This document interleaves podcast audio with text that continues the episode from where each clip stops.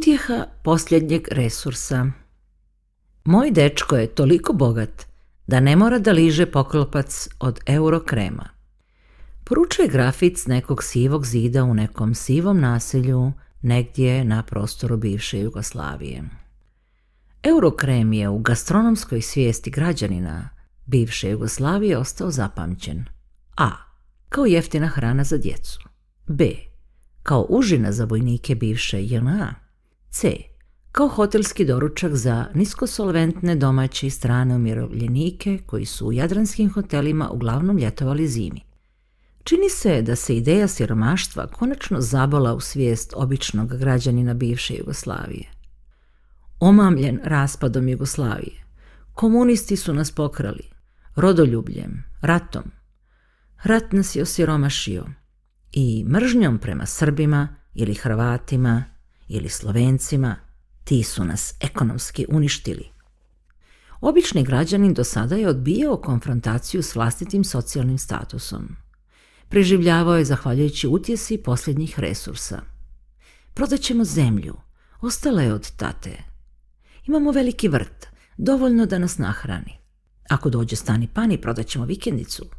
Moj stric je direktor, uvijek će se za mene nešto naći. Baka će nam ostaviti kuću u nasljedstvo. Brato ide dobro u Njemačkoj, neće nas valjda pustiti da umremo od gladi. Izdaćemo vikendicu na moru strancima. Ako ništa drugo, uvijek možemo prodati obiteljsku grobnicu. Resursi su se ugasili, opcije su iscrpljene, aduti skriveni u rukavu potrošeni, bakina kuće je otišlo vjetar, zemlja je prodana, Društvo se raslojilo na malobrojne bogataše i mnogobrojne siromahe, na prave igrače i pušače.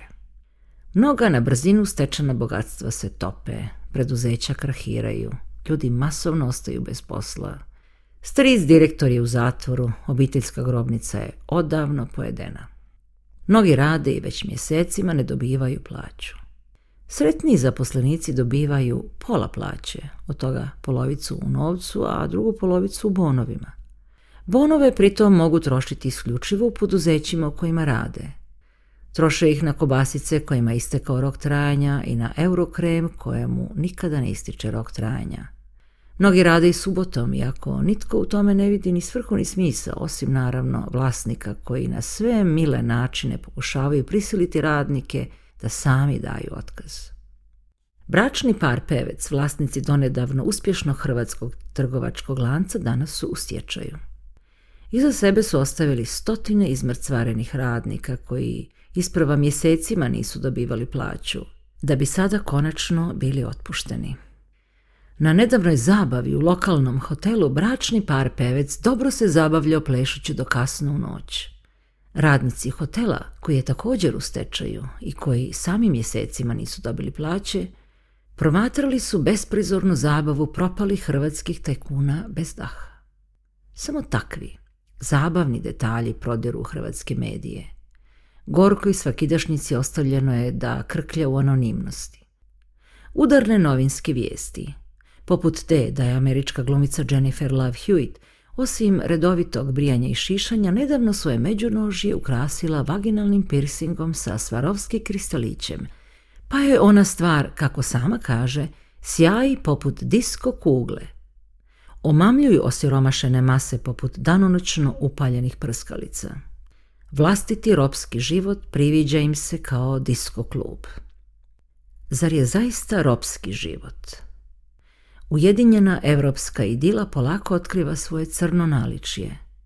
Nova trgovina robljem curi evropskim podzemnim putovima.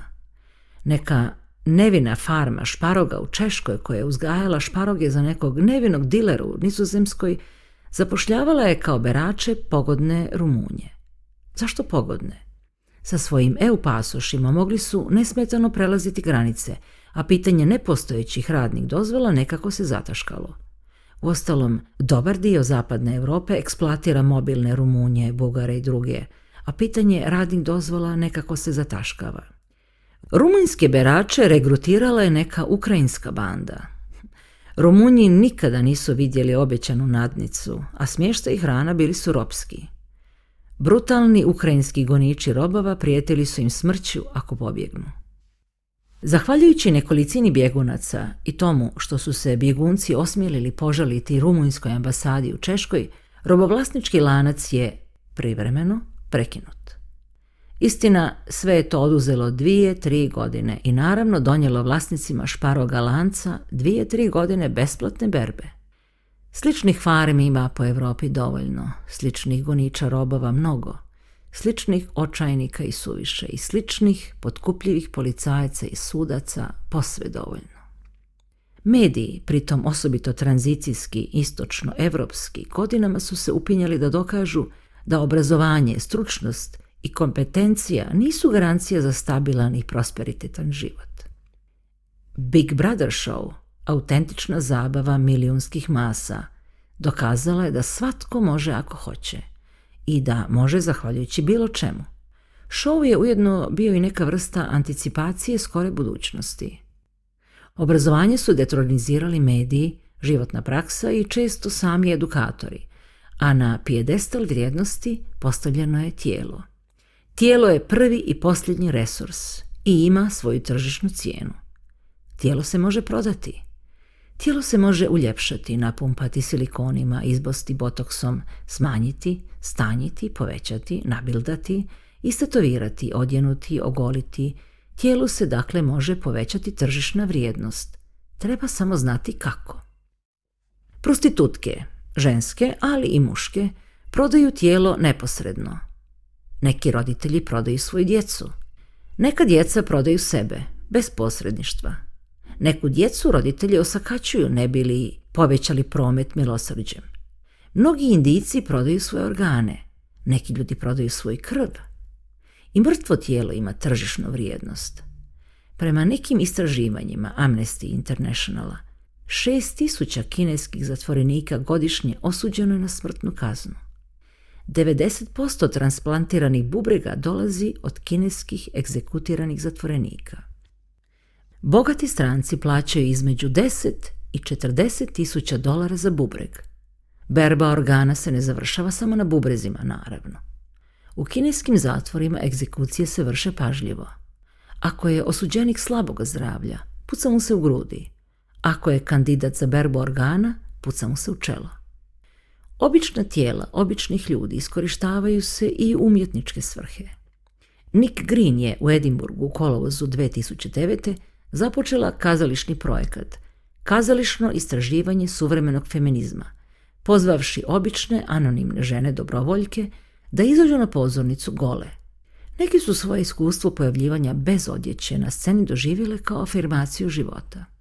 Za razliku od engleske režiserke, hrvatski kazališni režiser Borut Šeparović pokazuje veću socijalnu osjetljivost.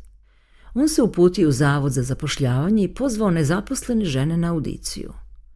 Od dvijestotinjak žena izabrao je 11. Žene će odjevene u dresove Hrvatske nogometne reprezentacije izvesti predstavu u slavu hrvatskog nogometa i usput ispričati svoje osobne priče o nezaposlenosti. U Hrvatskoj u ovome trenutku ima navodno tristotinjak tisuća nezaposlenih. Žene su volonterke, iako će za javno iznošenje svoga slučaja dobiti honorar. Eri Sihton, tesalijski plemenitaš, Posjekao je drvo u Demetrinu vrtu da bi sebi sagradio kuću. Demetra ga je kaznila vječnom glađu. Eris je umro jedući samoga sebe. Ako odbacimo ekološke interpretacije ovoga mita, onda priča o Erisihtonu može poslužiti kao još jedan primjer kako da u svrhu preživljavanja iskoristimo posljednji resurs. Vlastito tijelo. Sjećanj 2010.